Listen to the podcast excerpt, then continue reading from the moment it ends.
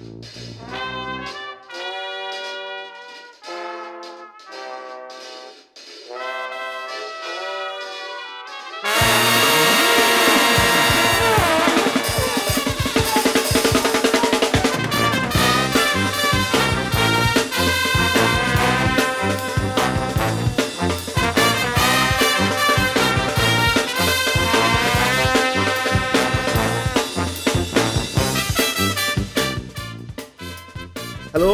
croeso i benod 25 o Ysbeidiau Heilog gyda fi, Dwyd Owen. A fi, Lee Jones, lle byddwn ni'n rhoi sylw i'r pethau bach sy'n gwneud gwahaniaeth mawr i ni yn ystod y cyfnod hollol honco hwn. Honco bost boi. A ie, yeah, ni yn bodlediad hollol, hollol annibynnol. Um, so, os gallwch chi yn cefnogi ni ein anwyl wrandawyr trwy dilyn rannu tan ysgrifio, dweud eich ffrindiau a'ch gelynion a jyst helpu ni i ledeini ein neges ac i dod y bach o hapusrwydd i fywydau pobl arall. Um, siarad... Eitha eich o geisio. Hapusrwydd i, i fywyd a pobl ennill? Mo, fe ddiol, dwi'n siŵr llwyd. O'n i'n meddwl, dyna beth o'n i'n treol wneud, man. Pa, pam arall ni fan hyn? Wel, ie. Yeah. Ond, um, yeah, so, Lee Jones, oes na fath beth? I mean, Christ, os chi'n gwrando ar yr uh, podlediad yma, chi'n gwybod yr ateb i hwn yn, yn barod, ond um, oes na fath beth a Cymraeg gwael Lee Jones? Neu uh, beth?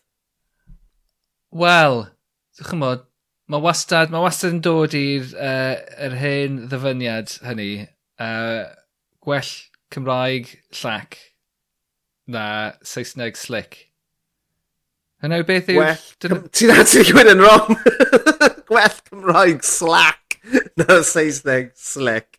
O, oh, dyna ni, ie. Yeah. O'n i'n agos, yn dod i. O, mae fe'n gweithio, mae fe'n gweithio'r ddwy ffordd. So, paid, paid, paid colli cwsg dros y peth. Wel, o'n i'n, ti'n bod, Cymraeg i fel iaith i, so, ti'n bod, chwarae teg i fi.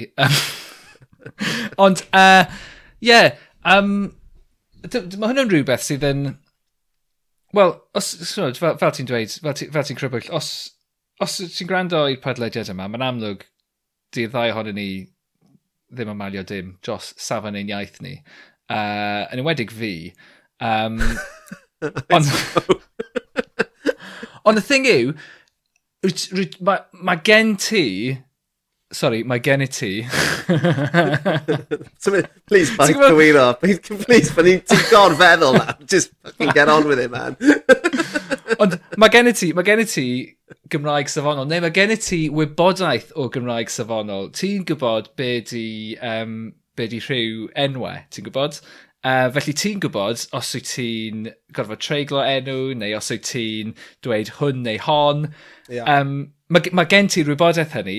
Os ti'n defnyddio'r wybodaeth hynny ddim, ti'n gwybod, well, who, who knows os ti yn. Ond, ond fe, fe allu di ddewis defnyddio'r wybodaeth hynny. Ond ysgen i ddim y, wybod, y, y, y wybodaeth hynny yn fy meddwl i. Felly mae rhaid i fi just kind of just gweld beth sy'n digwydd. Just gweld, well, beth sy'n gweld beth sy'n dod allan o'n ngheg i. a wedyn, allan o'n geg di. Yeah, I mean, a wedyn, os mae'n swnio'n rhy wrong, na i gywiro fy hun. Yeah. I mean, ti'n ma, mae'n ma ddiddorol beth ti'n gweud. Yeah, yn amlwg, dwi'n dwi uh, defnyddio uh, yr iaith Gymraeg uh, yn broffesiynol fel cyfieithydd a fel awdur um, a darlledwr.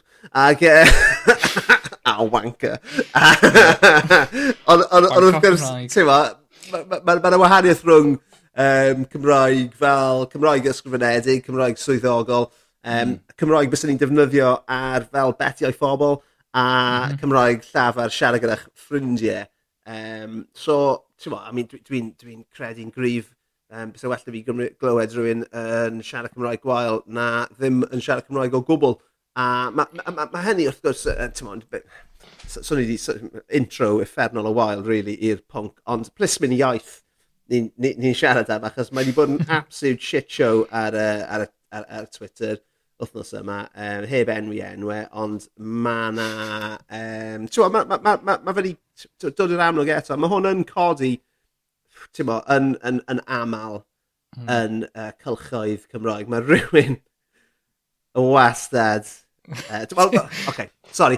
Mynd o'r dechrau, nath y doctor Cymraeg ar Twitter, fi'n meddwl taw doctor Cymraeg yw, yw i Twitter handle, nath e ddweud jyst dim fath beth a Cymraeg gwael. A dyma rhyw nob, who shall uh, remain nameless, yn, yn basically just yn dod nôl uh, ac yn ateb hynny a uh, yn gweud wrth gwrs bod na. Um, a, a wedyn, a wedyn yn gwrthod bac o lawr o, o, o, o, tymod, o, er gweithaf yr holl dystiolaeth a pobl dysgwyr hefyd a pobl ail iaith yn, yn esbonio iddo fe eu profiadau nhw. A dyma'r dyma peth, fel um, siaradwr iaith gyntaf, oedd byth rhaid i fi ddysgu'r iaith. Mm. So ni, ni, fi, ti fi, fi, fi mewn um, safle breintiedig tu hwnt fel fel oedd y, bys ni'n dyfalu bod y, y, y boi ma ar, e, ar, ar Twitter sydd, sy, sydd yn dod o safle tebyg i fi, ond oedd e'n gwrthod, timod, camu nôl a cydnabod falle um, bod na amgylchiadau gwahanol yn, yn, yn galw am, am iaith a ieithwedd gwahanol. A yn y diwedd, nath e orfodi, neu dim o gorfodi, ond nath y ferch oedd yn uh, Sarah Waters, ie, yeah, Dr Sarah Waters oedd yn, um, yn dadle gyda fe ac yn, yn, ac yn rhannu ei phrofiadau hi fel dysgwr fel a, a fel, fel unigolion oedd ddim yn teimlo'r hyder i ddefnyddio iaith o ddydd i ddydd. Yn y diwedd, nath i droi'r Saesneg achos y ffucking twat yma oedd yn... Oedd yn... honestly... Cywiro hi! Oh, mate, oedd yn ffucking waidi yn berwi, genuinely. A ti'n mo, mae ma lot o bobl, I mean, gath e ddim cefnogaeth, ti'n ma. Yn heiddiannol, gath e ddim cefnogaeth o gwbl, ti'n mo, oedd pawb yn gallu gweld um, bod beth oedd e'n neud a'i safbwyntau a'i ffordd o weld y byd ddim yn helpu sefyllfa yr iaith Gymraeg a ddim yn helpu um, i ddenu pobl at yr iaith. Mm. Falle pobl sydd eisiau yn siarad Cymraeg fel, ti'n mo, fel er enghraifft gyda yn, yn, yn profiad personol yn y maes. Fy, fy anwyl wraig Lisa. Tewa, ail iaith yw, yw, yw Cymraeg iddi hi a tewa, dwi ddim yn hyderus yn siarad gyda lot o bobl gan gynnwys fi fy hunan. A mm. ti'n tewa, ond wedyn hefyd, mae ma gan fi ffrindiau dwi dim ond yn siarad Cymraeg gyda a ti'n meddwl, so, so, so, so mae, ma fe yn gymleth, mae fe'n sefyllfa gymleth. Ond, ie, uh, yeah, a, a, a llai yeah. o wankers sydd angen yn y byd yma, dim mwy. Wel, dyna ni, achos um, yn, yn linguistics mae yna ddwy ffordd o ddisgrifio iaith. Mae gennych chi prescriptive a descriptive. So prescriptive yw lle mae gennych chi pob dim, geirfa a syntax i gyd yna a hwnna yw rheolau a mae rhaid i bob dim bod yn y ffordd hynny er mwyn i chi allu ddeall be mae rhywun yn, yn dweud. Ond yn ymarferol, nid hynny yw sut mae iaith yn gweithio. Chymod, um, no. mae, ma ieithoedd, mae'n swnio fel ystrydau bron, ond mae ieithoedd yn pethau byw. Ynddi. A mae ma pobl yn defnyddio ieithoedd mewn gwahanol ffyrdd. Chymod, mae, ma un grŵp o bobl yn defnyddio'r un iaith mewn ffordd wahanol i grŵp arall o bobl sy'n defnyddio'r un iaith er mwyn cyfleu ystyrau gwahanol. Yeah. Um, a, a hynny yw chymod, cryfder ieithoedd, achos, achos mae, ma iaith yn gallu cyfleu gymaint o syniadau gwahanol gyda, wel, gallwch chi ddweud rhyw kind of, ystod cyfyngedig o kind of, geiriau a, a, a be bynnag, ond, ond cyd-destun sy'n kind of, rhoi'r ystyr ychwanegol hynny i chi. Um, Dwi'n rili siŵr beth dwi'n lle dwi'n mynd gyda'r pwynt yma, ond... Uh... Wel na, ti... Dyma beth o'n i, I guess, yn gweud yn gynharach yn dyfa bod iaith a'r iaith ych chi'n defnyddio yn newid yn dibynnu ar pwy chi'n siarad gyda, cynulleidfa hmm. mm. ac ati. Mae ma chacen chi'n newid yn dibynnu yeah. ar pwy ydych chi'n siarad efo, chi'n bod? Ti'n gwybod, llyfi cont? Um, and, ti'n yn rwyth i siarad amdano yn, y gorffennol hefyd, bod ni'n chameleons cymdeithasol fel hmm. Cymru. I mean, a ti di siarad am y ffaith bod ti di gwrando ar bodlediad gyda fi'n siarad Saesneg a bod fi'n fi, fi swnio fel person hollol wahanol uh, mewn gwaith iaith wahanol. Ac y gwir yw, sa'n meddwl bod fi wedi clywed ti'n siarad Saesneg. Na bod fi'n meddwl amdano fe. Sa'n meddwl bod fi wedi. Achos, ti'n dyn ni ddim yn, yn, yn defnyddio Saesneg uh, wrth siarad gyda'n gilydd. Ond, ti'n os ni'n mynd nôl at y pwynt greiddiol, Doctor Cymraeg, does dim fath beth a Cymraeg gwael, mae'n un hollol wir. Achos mae'n ma, ma well bod yr iaith yn fyw ar lafar a falle'n wallus na bod yr iaith yn gyfyngiedig i lyfrau ac i ddosbarthiadau mewn ysgol. Hmm. Achos mm. dyna lle mae'n mynd i farw, dim i fyw. Yn union. Yn union. Um, Ond ti'n mae ma, ma, ma yn wir yn dweud, meddwl hmm. am, ti'n yn yr wythnosau diwetha, mae ni wedi cael y ffucking o bastards lawr yn, yn San Steffan yn, maen nhw eisiau ail gyflwyno gwersi Lladin ar y mm. cwricwlwm yn Lloegr, reit? A Tewa, dyna, dyna, dyna be fi'n siarad am, Mae'r ma, ma, ma iaith yna yn bodoli mewn llyfrau yn unig erbyn hyn, reit? I mean, fi'n gwybod bod yna siŵr fod cwpl o fynachod a, timo, nani Jacob Rees-Mogg yn siarad e. Ond... Yeah, os ydych chi eisiau, gweithio yn y Vatican, chymod? Ie. Yeah. Yeah, Ond... Ma, ma, ma, Ond mae Daleg yn, yn mwy defnyddiol i chi yn fanna. Latin optional. Yeah. Um, so, ti'n mwyn, oh, dyna, dyna be fi'n meddwl, yn dyfa, iaith oedd yn arfer bod yn iaith lafer, ond sydd erbyn hyn, yn, ti'n mae, mae, mae fyna fel ffordd o enwi anifeiliaid a, mm. a, mo, a, a, a cynnal rhai, rhai egweddau o grefydd. Ond, ti'n a dyna be ni ddim eisiau i ddigwydd uh, yng Nghymru ac i'r Gymraeg. A... Na, wel achos, chymryd, dyma, dyma o le, o le dwi'n dod, pan mae'n dod at fy Nghymreig dydy, dwi wedi kind of gwythio nôl yn erbyn hynny, achos yn, yn tyfu fyny, nes, mo, nes i fi symud i Lundain, chymod, rhyw 7-8 mlynedd yn ôl, oedd fy Nghymreig dydy yn rhywbeth, chymod, o'n i'n cadw mewn cwpwrdd, oedd e'n fregus, a chymod, oeddech chi'n cael allan unwaith y flwyddyn i bod bynnag ar, ar dydd, uh, dydd Fel Dewi. Doilies 9. Yn union, yn union. A nid fel na yw Chymreictod, ond dyna fel o'n i'n ei, ei ystyried hi. Ac os ydych chi'n pregethu dros safonau iaith a dros uh, kind of uh, uh, pwysigrwydd cadw safonau, well, fel na mae'n mynd i fod. A, a chi'n mynd i, mae ma pobl yn mynd i edrych ar yr iaith fel fod hi'n rhywbeth fregus, ydych chi'n cadw mm. mewn cwpwrdd a mond yn dod allan ar gyfer eisteddfodau neu'r capel. A, a nid fel na dylai hi fod. Dyle, chymod, dylen ni fod yn siarad fel yma ac yn cam dreiglo dros y lle ac yn dweud yeah. hwn yn lle hon. A chymod, a dyma, dyma sut mae iaith byw yn byw. Yeah, yw byw. trwy camgymeriadau. Ac ar lafar yn dyfa. Ar, ar, yn union. Ar lafar yw'r fath o'r fersiwn pwysica o'r iaith Um... Yn union, well, dyma, dyma pa, yn union pam dwi yn gwneud hwn nawr yw achos fy mod i, chymod, dwi wedi crybwyll o'r blaen, um, eogrwydd dwi'n teimlo, dros peidio gallu cyfrannu at economi Cymru, oherwydd mm. mod i ddim yn byw yna, chymod, brain drain a phob dim. Ond dyma fi yn cyfrannu at diwylliant Gymreig a Chymraeg. Yeah. Um, yeah. A well, mae'n ffordd hawdd, just chmod, siarad mewn i microphone unwaith yr wythnos gyda ffrind da, oh, piece of piss.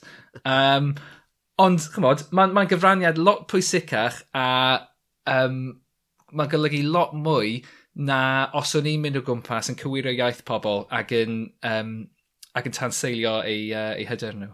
A dyna, a dyna, dyna, dyna union, ti'n meddwl, ti wedi bwrw'r hoelen fyna, ti'n meddwl. Be, be ni ddim eisiau gwneud yw tanseilio hyder. Be ni hmm. eisiau mm. neud yw rhoi mwy a mwy o hyder a dyna'r ffordd mae'r ma iaith yn tyfu. A mm. mae'n mae holl bwysig bod plismyn iaith just yn fuck off, basically. Yeah. Ah. Na, sorry. Um, ffucio o ma, excuse me. Yn ffucio o ma. Yeah, yeah, yeah. Definitely. Cymraeg safonol. Cymraeg, Cymraeg safonol. safonol. Ddim yn deall. I mean, Ond dyna, dyna, dyma'r thing, i, i i fynd yn ôl at y cwestiwn greiddiol, oes fath beth a tymod, Cymraeg gwael, yr unig ffordd o fesur os ydy iaith yn dda neu peidio, os ydy hi'n effeithiol, yw os ydy'r os ydy iaith rydych chi'n ei ddefnyddio yn cyfleu yr ystyr rydych chi'n ei feddwl. Ydy'r person sy'n dehongli beth ydych chi'n dweud yn deall yr ystyr, yr ystyr rydych chi'n cyfleu atyn nhw. Os ydyn nhw, mae'r iaith yn berffaith. Os dydyn ah. nhw ddim, mae gennych chi iaith gwael. A dyma ni, chmod. A mae hwnna wir yn unrhyw iaith, reis? Yn union, yn union. Os chi, os di rhywun yn gallu dehongli a deall beth ydych chi'n dweud, dych chi'n neud job dda. Yeah. A, a dych chi ddim angen, dych chi ddim angen treiglo cywir i allu cyfleu ystyr. Na. O na, wel, ti'n mo, mae ma, na, um, un ffordd o feddwl, a dwi ddim yn gallu cofio yn ble, nes, nes, i, nes i glywed y, y, y ddamcaniaeth yma ar raglen uh, yn ymwneud ar wen hwyseg fi'n meddwl. Mm. a Blynyddoedd yn ôl ar S4C. Ar blynyddoedd yn ôl. A um, mae rhywbeth yn dweud, dweud fi taw Ifor Ap Glyn a John Gower oedd yng nghanol hyn yn trafod esblygiad iaith ac o'n nhw'n siarad am y Gymraeg ac oedd, oedd, oedd, oedd un o'n nhw yn gweud taw falle'r cam esblygiadol nesaf yn yr iaith Gymraeg yw jyst cael gwared o dreigliadau. Ie, yeah, ie, yeah, ie. Yeah. Bod nhw jyst yn diflannu. Um, a, a, a er mwyn symleiddio uh, yr iaith ac er mwyn um, hwyluso uh, pob, mwy o bobl i siarad yeah, yeah. hi ac i yeah, ddysgu yeah. hi. A, a, a hefyd fi'n meddwl yn rhan o'r un sgwrs oedd na um, oedd na awgrym falle cam esblygiadol arall falle bysau cael gwared o'r ffurf benywaidd gwrywaidd achos mm. eto mae hwnna yn, yn rhywbeth sydd yn sydd yn gallu tanseilio hyder pobl os maen nhw'n cael yn anghywir ac os oes rhyw nob, os oes rhyw nob ar Twitter yn, yn pwyntio hynny allan iddyn nhw. So, so yeah. yeah, mae'n ma ddiddorol iawn, ma, ond on dyma'r beth. Ond, ti'n o'n i jyst mynd i, ti'n gwybod, cyfleu'r, uh, chymod, uh, y, y gwrth uh, gyferbyniad i hwn. Mae ma yna ma le i Gymraeg safonol. Dwi'n credu'n frwd yn hynny. So, dwi wedi dwi di sgwennu erthyglau yn y Gymraeg a mae'n bwysig iawn i fi fy mod i defnyddio Cymraeg cywir yeah. pan dwi'n, pan dwi chymod, um, rhoi drafft i mewn i beth bynnag. Ond, ond yn fanna, mae'n ma hollol ddisgwyliedig i chi siarad iaith safonol, neu sgwennu iaith safonol mm -hmm. yn y mhm. cyd-destun hynny. Ar Twitter, yn siarad ar lafar, be di'r ffucking pwynt plis mona hwnna? Os gennych chi ddim byd gwell yn eich bywyd chi i wneud? Cox um, bach, dyna beth sydd gennyn nhw. Dim byd, dim byd i cadw nhw'n rhesu'r llwyd. Na, dim byd. Dim hyd yn oed tair modfedd. So ie, yeah, ffocio plismon iaith a hir oes i'r Gymraeg.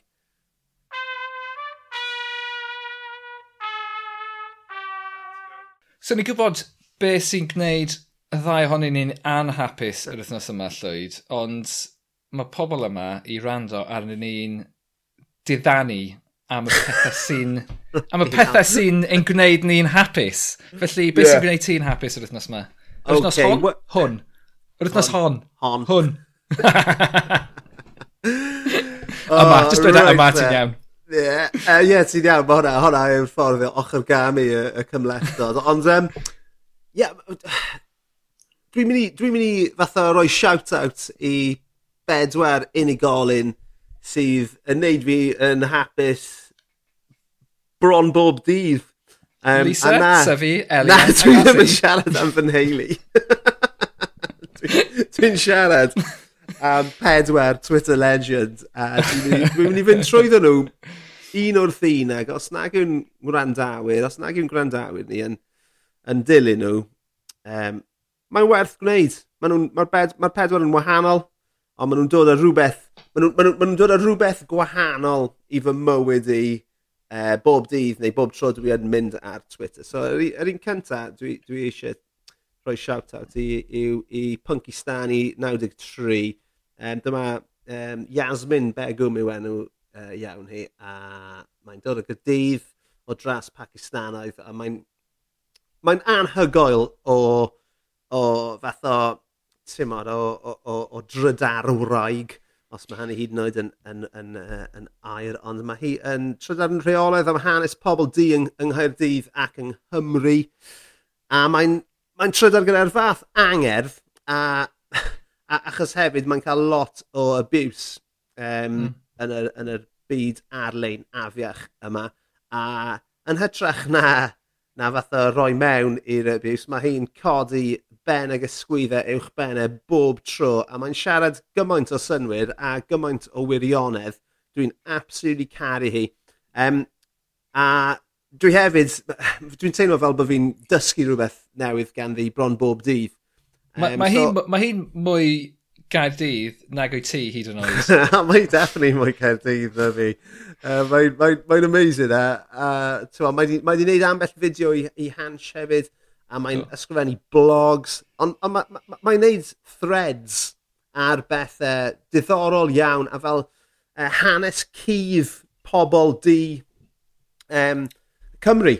A, Wel, os, os, di, os chi'n cofio, oedd na peth am uh, y terfysgoedd hil 1919, yeah. llynedd, wel, yeah. dwy flynedd yn ôl, um, a hi oedd ysbardyn i hwnna gyd, fel hi nath y yr yeah. ymchwil i gyd am hynny. Wel, o'n i'n mynd i ddweud, os, os ych chi eisiau gweld be, mae, be dwi actually'n sôn am, mae edefau hi ar y terfys ciliol 1919 yn anhygoel o ddiddorol a, ti'n mo, yn, fel brodor o gydydd, Ti'n o'n i'n gwybod dim amdano fe. A mae hynny yn adlywyrchu'n wael iawn arno ni fel Cymru a ti'n modd, um, a ti'n modd, sa'n gwybod pwy sydd, pwy sydd ar fai, ond mae rhywun ar fai. Ond yn fwy diweddar na hynny, nath i wneud y defyn gwych am yr arglwydd Penryn. Ar ôl i mm. ardal llechi, um, Gogledd Cymru gael ei wneud yn uh, UNESCO uh, World Heritage Site, nath i nath hi wneud y defyn eitha hir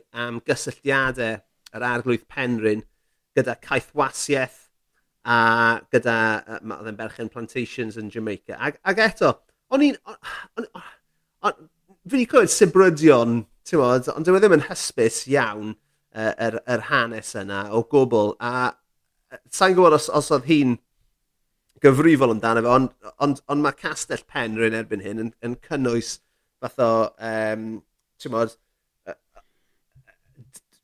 hanes fel, fel fath o mwy wedi ddiweddaru yn sy'n cynnwys cysylltiadau am heis mm. arglwydd Penrhyn. Yn hytrach na jyst i glodfori fe a'i ddathlu fe.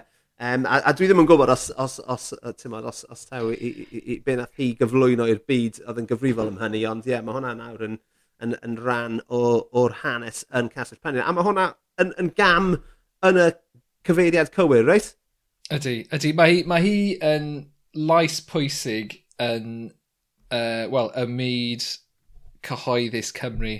Oherwydd, yeah. oherwydd mae hi'n rhoi perspektif, um, nid perspektif newydd, ond perspektif, perspektif sydd yn newydd i'r uh, i'r sgwrs gyhoeddus.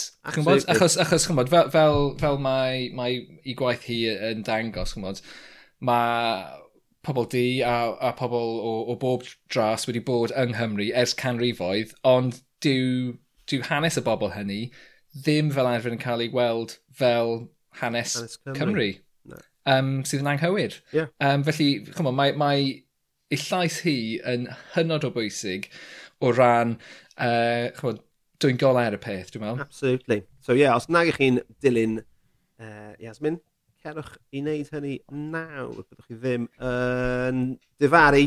Um, yn ail, dwi eisiau just um, tynnu sylw at, um, at Maidley. Gareth Maidley o Gair Philly. Uh, e, dyma un o fy arwyr i ar Twitter. Dwi'n e, uh, dwi caru'r boi yma. Mae fe, ma fe, ma fe mor socialist mae fe bron yn communist. a mae fe'n mynd yn fwy ac yn fwy left-leaning wrth bod e'n mynd yn hun. So os ych chi eisiau... Os ych chi'n... Os, os, os, ych, os, os osgo gwleidyddol chi tua'r tu chwyth, mae'n really werth dilyn medlu. Um, os chi eisiau gwleidyddiaeth, dyw e ddim yn cymryd unrhyw shit wrth neb. Nath e wneud y defyn anhygoel cwpl o wythnos yn ôl um, am um, symbolau ffasgaidd yeah. uh, ar Twitter ac ar-lein a yn tynnu mewn um, fascist Cymreig iddo fe a oedd e'n agoriad llygad anferth i fi a gallai neb arall wedi gwneud y, y, y, y thread yna sa'i meddwl. Um, ond ti'n mo, ond fwy... ma, yeah, ma, ma fe'n gyfiawn tu hwnt a mae ganddo fe egwyddorion a chymod, be, be ti'n gweld gyda fe yw does dim ots ganddo fe pwy sydd yn chymod, pwy sydd ar gam o ran ei egwyddorion e, os dyn nhw fel arfer ar ei ochr e, neu os di e fel yeah. arfer yn, yn ei cefnogi nhw, jyst ganddo fe ddim ots. Bydd e yn uh, uh, beniadol ohonyn nhw. Yeah.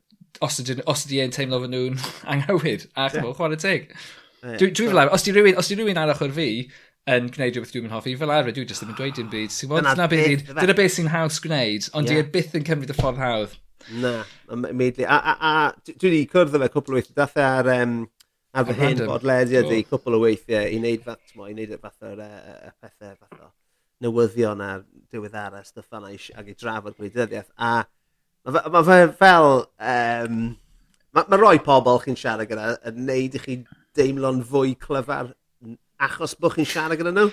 A oedd Gareth yn un o'r rheina, oedd e'n boi môr deallus. A ie, ac un, un o'r, un o'r, un o'r fath o cyfrifon hanfodol ar Twitter os ych chi uh, yn lefty fel fi. So, ie, yeah, falle, e, uh, dylsyn ni ofyn i Gareth ar, ar y podlediad yma, achos ti'n gwybod, bys yma'n neis gofyn iddo fe os oes unrhyw beth yn neud e'n hapus rwy'n. punching, punching Nazis bys ni'n dychmygu. so, o, o, o, meidlu. Um, fi eisiau rhoi shout out. Fi'n gwybod bod ni'n gwrando ar hwn, a mae hwn probably mynd i embarrasso hi yn effernol, ond un o fy hoff bobl i ar Twitter, mae hwn yn wir ers i fi ymuno ar Twitter tua degawd yn ôl, yw uh, Sheik Your Booty. Um, nawr, fi di bod, fi di bod yn dilyn hi o'r cychwyn, hyn oedd un o'r rhoi cynta, pobl cynta i fi ddilyn fi'n meddwl, a mae just, mae just yn hilarious. Sim, sim neb fel hi ar Twitter, mae mor sych, mae mor ffynnu. Um, a sa'n meddwl bod hi hyd yn oed yn sylweddoli hynny rhyw ffordd. Mae'n mae, mae feminist, mae'n dancraig, mae'n ddarllenwr brwd Dank... a tancroeg. Yeah, tancroeg o fri. Wel, ma, os, os mae'r os ma lluniau mae'n uh, postio'n ddyddiol yn, uh, yn unrhyw beth i fynd arno, mae hynny'n wir. Ond ie, yeah, dwi jyst yn, dwi jyst yn meddwl bod hi'n hi briliant. A dwi wastad yn mwynhau ei um, fath o cynnwys uh, ei, ei, ei, fath o, ei, ei, chyfrif Twitter Ia, mae hefyd wedi ysgrifennu un o'r um, fath o nath i ysgrifennu fel um, update i i, i gywydd y gont cwpl o flynedd yn ôl a mae'n mae, mae, dod â hwnna allan bob blwyddyn ar fel National Women's Day a mae fe un o'r, un o'r, un o'r cerddi mwyaf ffynnu fi byth wedi, uh, fi byth wedi, uh, wedi darllen a dylse fe tywa, gael ei gyhoeddi. Um, so ie, yeah, mae'n ddoniol, mae'n ddwys, mae'n dod canlonus ar y deg a fi'n gwybod bod, um, bod Booty yn, yn dioddef gyda'i iechyd meddwl o bryd i'w gilydd a fi'n gwybod hynny achos mae'n hollol onest am y peth ac yn hmm. trydar am y peth. Um, so dyma sort of neges i ddweud, really, os, os, os wyt ti'n teimlo lawr, booty, just cofia bod ti'n absolute ledge a bod uh, ni ar y sbeidio heilog yn dygaru di loads. So stop, paid stopio beth ti'n neud. A mae angen pobl fel na yn y byd yma, fi'n meddwl. Um, yeah. So yeah, booty. Massive parch. Ac yn olaf, Bryn Boronga. Nege. Bryn Boranga. Boranga. Nawr fi ddim yn mynd yn gwybod os mae Bryn Bar Baronga yn berson go iawn neu peidio. Sym syniad i fi pwy yw e, ond dyma un o'r cyfrifon mwyaf doniol sydd ar Twitter. Mae fe'n troll um, o'r radd flaenaf, ond mae fe wastad yn dod o hyd i'r doniol, right? So, um, Trol, trol yn yr hen ystyr, chi'n gwybod, pan, pan oedd y, y rhyngrwyd yeah. yn ei feithrinfa, Ac oedd trolls yn bobl efo synwyr o ddigrifwch yn trio gwneud hwyl a sbri ar ben pethau hmm, yeah. a, a, a creu jokes.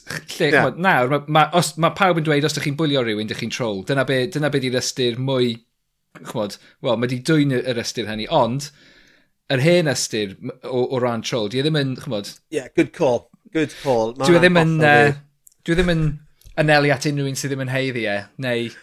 Chymod? Ond mae fe...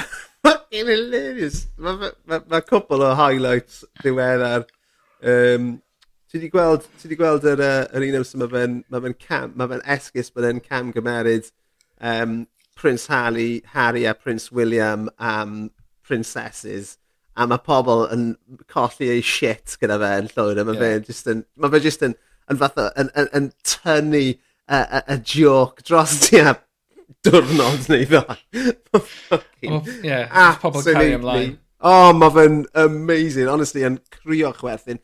A wedyn, cwbl o wythnos yn ôl, nath um, Charlie Watts, drymiwr Rolling Stones, oedd e'n sal neu wedi marw. Um, a dyma Bryn yn cyhoeddi e Devin yn sôn am... Um, am amser nath e eistedd drws nesau Charlie Watts ar y wyren.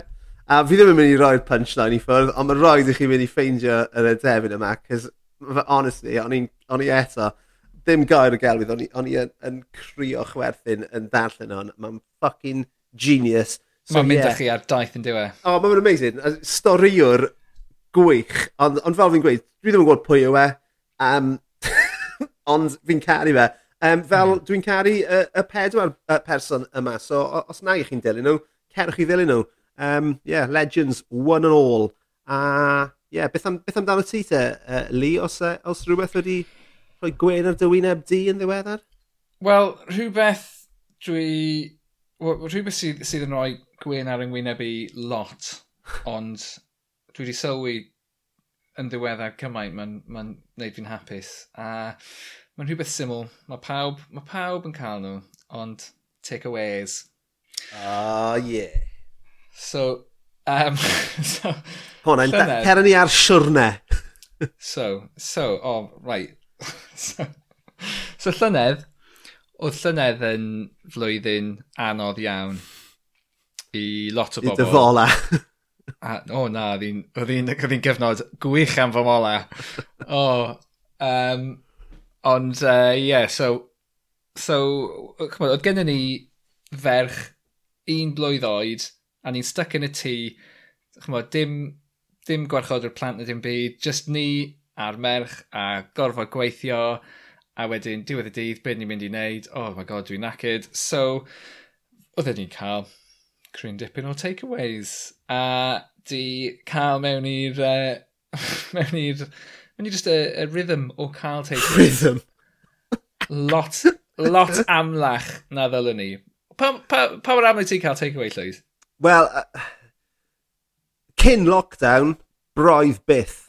Genuinely, broedd byth, achos dwi yn, dwi yn gogydd o ansawdd.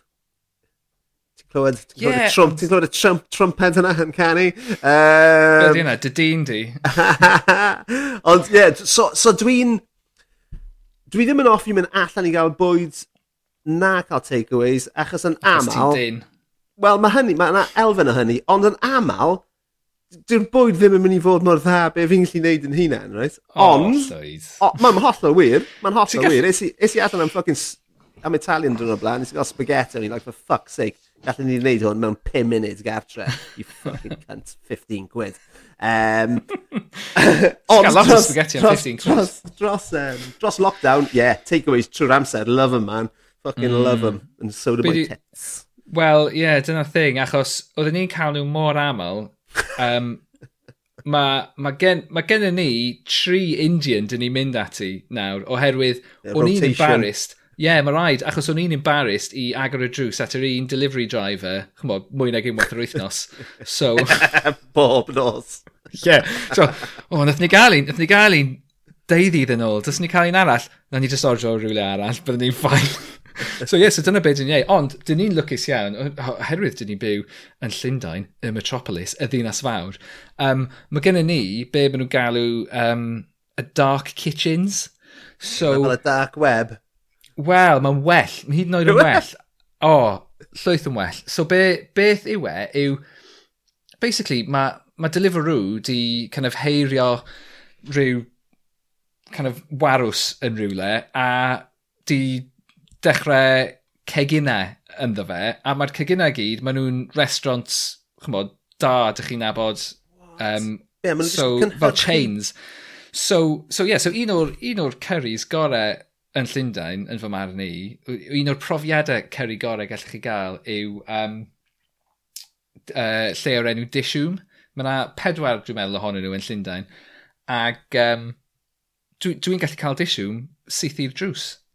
Um, a chymod, bod a, a, a llwyth o, o lefydd eraill yma, gyd o dan un to. Um, a yr un, yr un dwi newydd darganfod sydd ganfod nhw yma yw chilangos, sef burritos rhagorol. Gys i, chymod, ges i neithiwr, oedd rhaid i fi prynu, um, rhaid i fi prynu can y coke am ddwy bint, just er mwyn i fi gallu uh, cael uh, delivery am ddim. Mae'n honestly llwyd, mae'n absolutely pathetic cymaint dwi'n caru takeaways.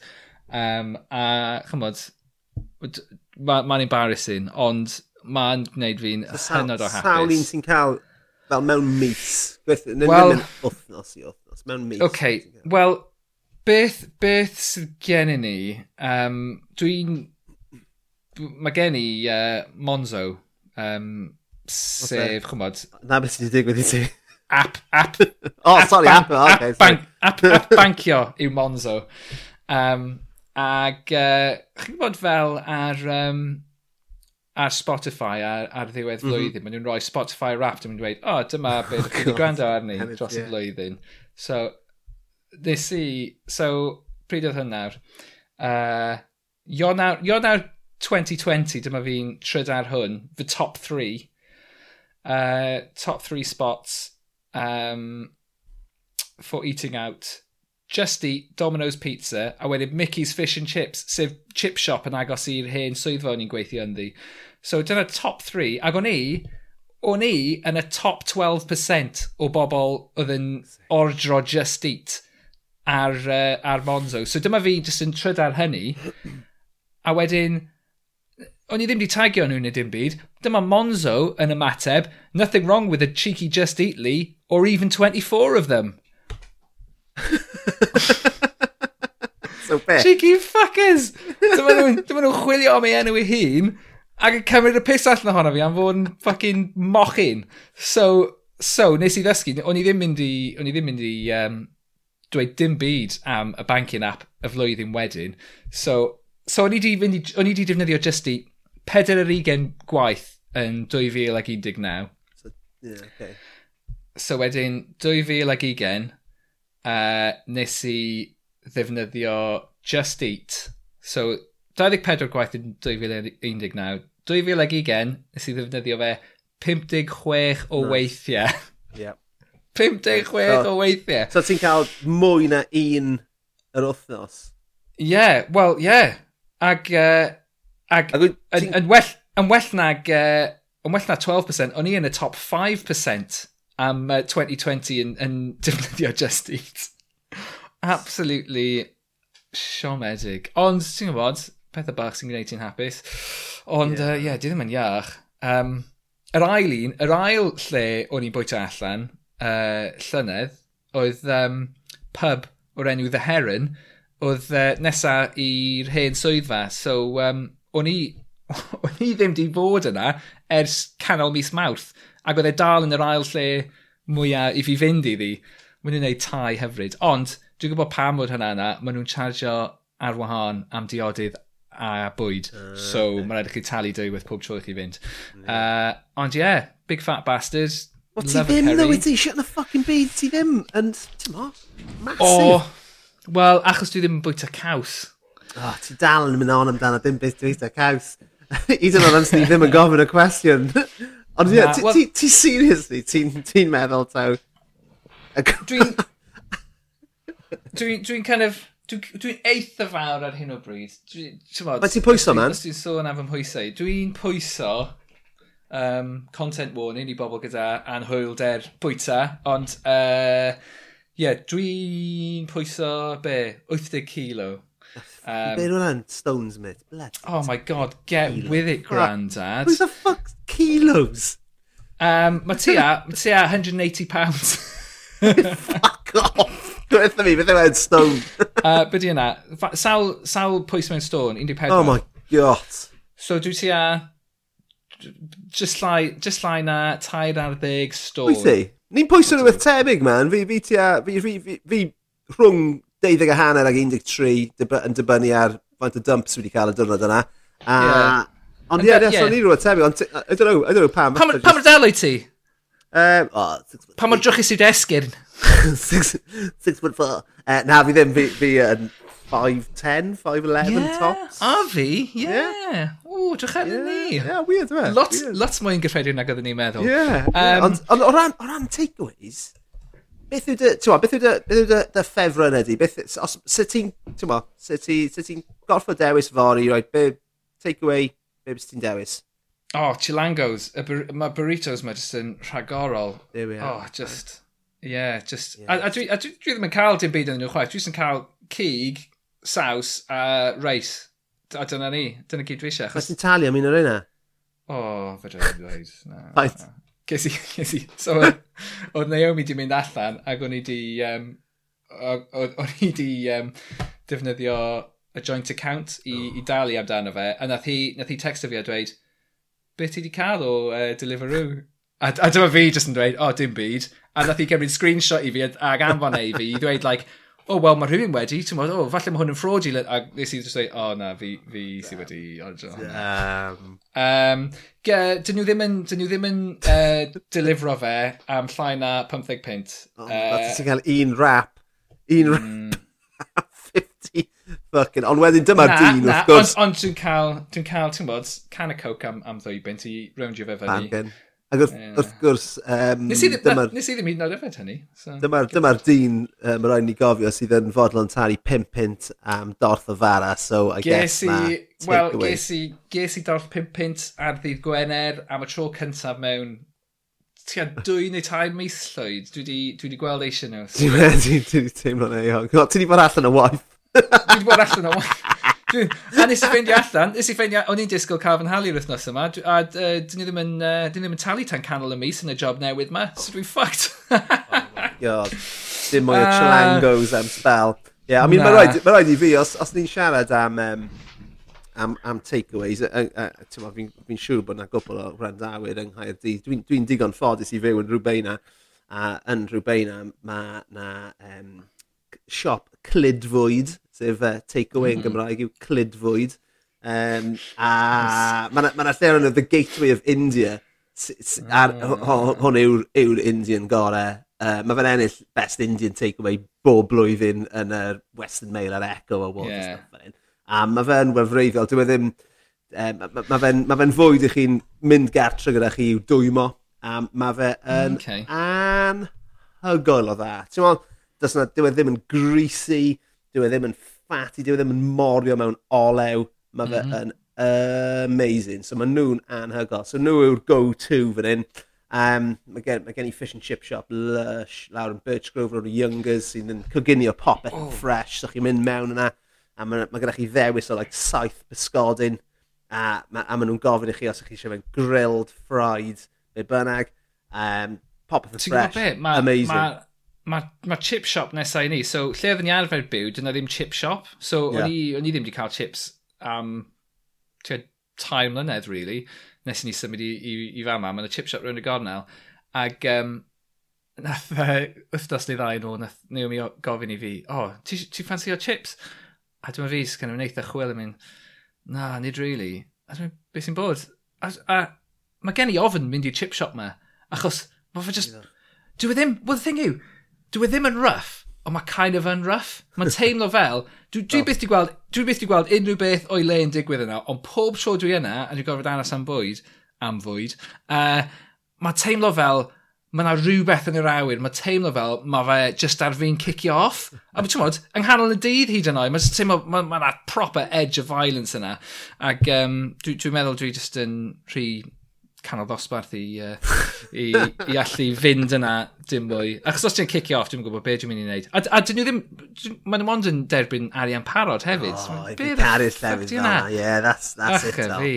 Ti'n ma, mwna, dwi'n ddim mynd trwy'r til, yma.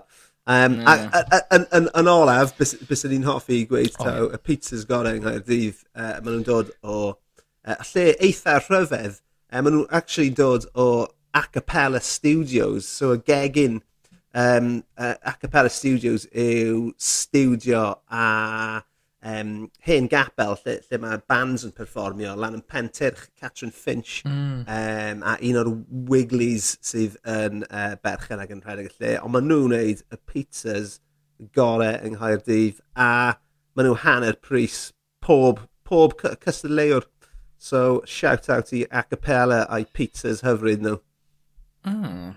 O, oh, ti'n gwybod beth? Dwi'n gwybod beth dwi'n newydd gofio, a sôn am takeaways. Ar ddechrau'r pandemig, doedd, uh, doedd Nando's ddim yn uh, cludoi fwyd nhw at ni. Well, mae gennym ni llwyth o Nando's wrthyn ni, chymod, Llundain, posh. Um, ond... Uh, Ond wedyn, wedyn... You can, you can take the boy out of Flint, but you can't take Flint out of the boy. o na, honest, honestly, o'n i... O'n i'n byw, o'n i'n byw gyda fy rieni A nes i, o, nes i gorfod gyrru i fan ceinion i fynd i'r Nando's agosaf pan o'n i'n byw na.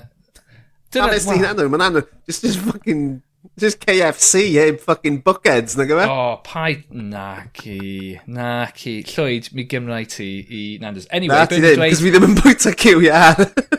o, na, maen nhw'n ma gwneud, maen nhw'n good veggie stuff hefyd. Ydyn nhw ddo? Um, ydyn, ydyn. Um, Dwi'n dawt i.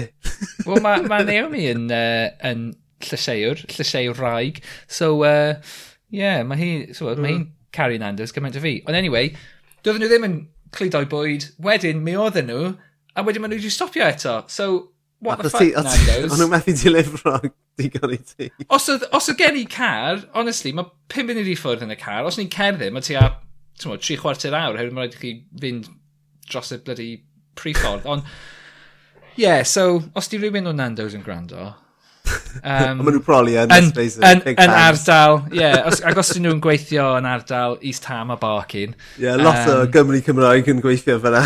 oes, oes. Um, chymod, tynwch eich sana i fyny a tynwch eich bodiau allan o'ch tunia chi. Tynnwch eich, eich chicken gweld... drumsticks allan o'ch twll pups. Ie, yeah, achos dwi'n gweld eisiau chi. A dyna, a dyna beth yw'r secret seasoning, ti'n gwybod yna, dy ti? Ie, yeah, dwi'n yn cwyno. Os mae'n dda, mae'n dda. Oh my god. A dyna ni, ni wedi cyrraedd rock bottom eto, ni. Yeah, well. Dim ond mater o amser yn dwi bob wythnos. Bych chi'n disgwyl yn gwrando arno ni. Yeah. Um, yeah anyway, yeah. So shout out, shout out i'r prif Indian i fi, sef Aromas. yeah. Lovely. Mae'n swnio fel dodgy nightclub yn bargoedd.